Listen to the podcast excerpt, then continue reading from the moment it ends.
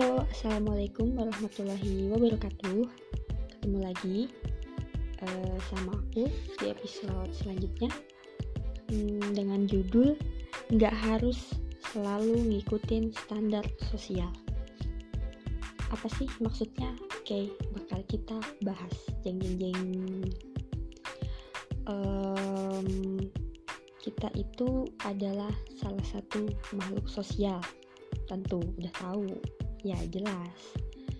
Terus makhluk sosial itu pasti kita itu bersosialisasi. Gak hanya itu terkadang juga kita dituntut harus sesuai dengan standar sosial yang udah ditetapkan masyarakat tertentu kayak gitu. Tetapi permasalahannya adalah ketika seseorang atau beberapa orang atau banyak orang itu nggak bisa ngikutin standar yang udah ditetapkan itu bakalan susah. Beda halnya dengan orang yang bisa ngikutin itu tentu nggak masalah. Jelas karena kan udah bisa. Jadi masalahnya apa? Kayak gitu. Mohon maaf aku jadi ngelawak kan. Uh, kalau menurut aku standar sosial yang udah ditetapkan itu nggak semua maunya harus kita turutin. Kenapa? Karena balik lagi ke diri kita. Kita sanggup apa enggak buat ngikutin? Nah kayak gitu. Ada banyak hal yang uh, udah ditetapin standarnya oleh oleh masyarakat tertentu. Contohnya bisa dibilang seperti kuliah lulus 4 tahun habis kuliah harus cepet-cepet cari kerja. Setelah cepet-cepet cari kerja harus cepet dapet jodoh setelah dapet jodoh harus bikin resepsi yang wah yang wow bak uh, apa negeri dongeng. Terus mempunyai rumah mobil segala aset sebelum umur 25 dan tentang fisik. Gitu sih. Eh, beberapanya mungkin banyak. Cuma yang sering kali adalah beberapa yang udah aku sebutin tadi. Oke, masuk yang pertama yaitu tentang kuliah. Emang bener, standar bukan dari masyarakat, ini emang dari ketentuan kampus bahwa kuliah itu harus lulus dalam waktu 4 tahun. Tetapi, balik lagi, ada beberapa mahasiswa yang nggak bisa lulus dalam jangka waktu 4 tahun. Itu faktornya banyak banget dan hmm, apa ya dan nggak semua yang lulus lewat dari empat tahun itu adalah mahasiswa yang bodoh. Itu nggak semuanya. Contoh kayak aku uh, terserah sih uh, mungkin sebagian masyarakat yang kenal sama aku menganggap aku itu sedikit bodoh itu nggak apa-apa. Kalau aku sendiri kesulitannya adalah di apa ya di dosen pembimbing. Aku nggak menyalahkan dosen pembimbing tetapi aku ngeliat ke pemikiran aku atau cara berpikir aku gitu loh. Jadi kayak dosen pembimbing aku ini kan kayak udah senior banget dan kayak apa ya pokoknya udah juara banget lah benar-benar senior beliau itu. Dan aku ibaratnya nggak terlalu pinter jadi aku coba pelan-pelan ngikutin alur berpikir beliau gitu. Karena kan skripsi itu adalah forum diskusi antara uh, mahasiswa sama dosen uh, dari permasalahan yang diteliti kayak gitu. Jadi ini masalahnya ini dosen ini mahasiswa didiskusikan bagaimana caranya supaya penelitian ini ada hasilnya bisa bisa diselesaikan dan bisa disidangkan kayak gitu. Nah uh, itu aku kurang apa ya kurang bisa te, kurang bisa cepet buat ngikutin beliau kayak gitu loh. Jadi itu salah satu faktor aku. Terus yang kedua mungkin uh, penelitian aku itu kayak sedikit dinamis gitu loh. Jadi kayak uh, tapi rata-rata emang pasti dinamis ya. Cuma gimana sih uh, uh, ngejelasinnya ya kayak gitulah itu salah satunya eh salah duanya. Jadi ada dua faktor itu yang bikin aku itu agak sedikit lambat. Ini udah aku jelasin juga ke orang tuaku dan orang tuaku paham. Ya alhamdulillah. Tapi mungkin ada beberapa yang uh, ada beberapa yang mungkin memang paham juga. Oh iya semua kan tergantung mahasiswanya kayak gimana. Mungkin penelitiannya sulit atau dosennya yang agak susah buat kita pahamin kayak gitu kayak gitu. Dan nggak jarang juga orang awam nilai kayak kuliah lama amat lu ngapain aja? gitu. Uh, itu si anaknya itu udah lulus kok. Tuh anaknya ibu Anu Pak Anu uh, udah lulus kok. Dia kayak gini kayak gini. Nah mereka nggak ngeliat bahwa peluang dan tantangan itu berbeda. Jadi kayak gitu buat teman-teman yang dengerin podcast ini, tapi masih belum lulus intinya tetap berprogres setiap hari. Uh, aku ngebahas kuliah lulus 4 tahun dan lewat itu nggak apa-apa bukan berarti kita buat menye-menye atau leha-leha itu tetap kita bekerja keras tapi kalau memang hasilnya nggak sesuai sama yang kita harapkan ya kita cuma bisa uh, apa tawakal kayak gitu. Yang penting kita udah berusaha. Oke okay. nah next. Yang kedua masalah kerja. Tentu uh, standar di masyarakat kita adalah setelah lulus adalah kerja. Pokoknya nggak mau tahu setelah lulus lu harus cepat dapat kerja kayak gitu. Tapi nyatanya standar kayak gini nggak bisa semuanya di apa diikutin. Contohnya kayak saya.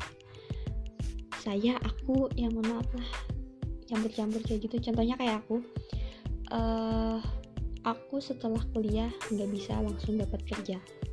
Sebenarnya ini uh, apa ya sebenarnya aku belum wisuda sih cuma misalkan pun aku udah wisuda dan udah ada ijazah di tangan itu bakal sulit buat dapat kerja karena di masa pandemi kayak gini yang PHK itu banyak banget di mana-mana. Jadi kayaknya aku buat nyari kerja itu tetap nyari cuma nggak yang harus banget ngebet gitu nggak banget. Aku nikmatin aja setiap prosesnya. Uh, yang penting selama kita nganggur itu ada hal yang kita hasilkan. Aku mikirnya kayak gitu sih. Aku nggak peduli sih dikatain pengangguran. Nggak ada nggak ada apa nggak ada gunanya. Menurut aku hidupku tetap berguna. Contohnya kayak gini. Aku bisa sambil sharing lewat podcast.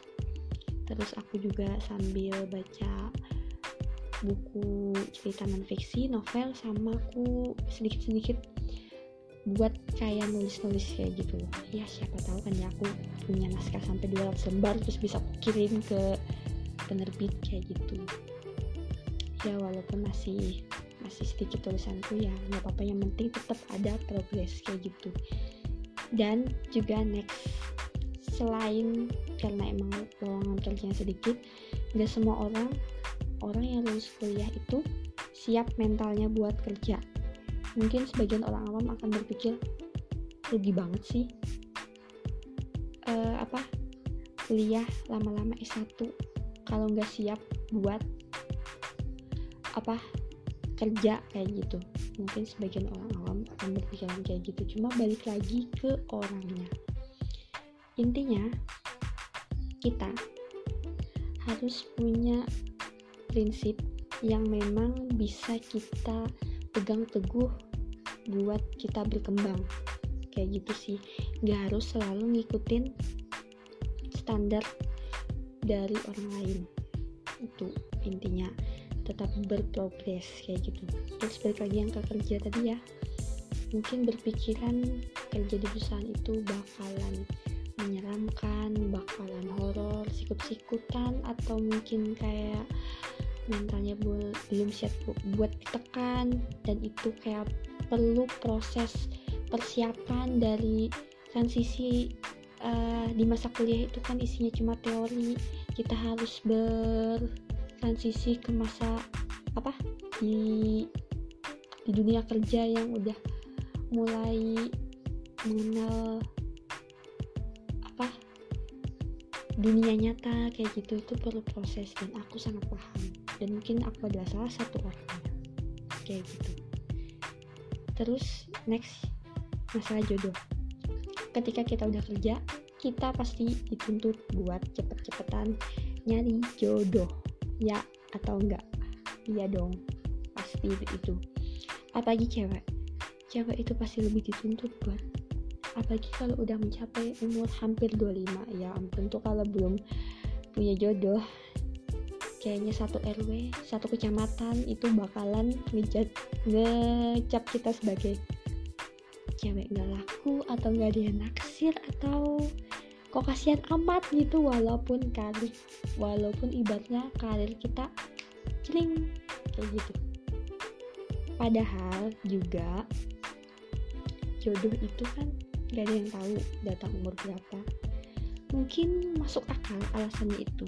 Cewek jangan tua-tua uh, cari jodohnya nanti susah punya anaknya itu masih masuk akal lah. Tetapi kan balik lagi yang penting kita itu udah berusaha.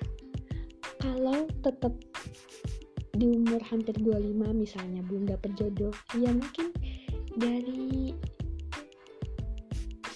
kuasa gitu tuh emang belum di umur segitu ketemu jodohnya.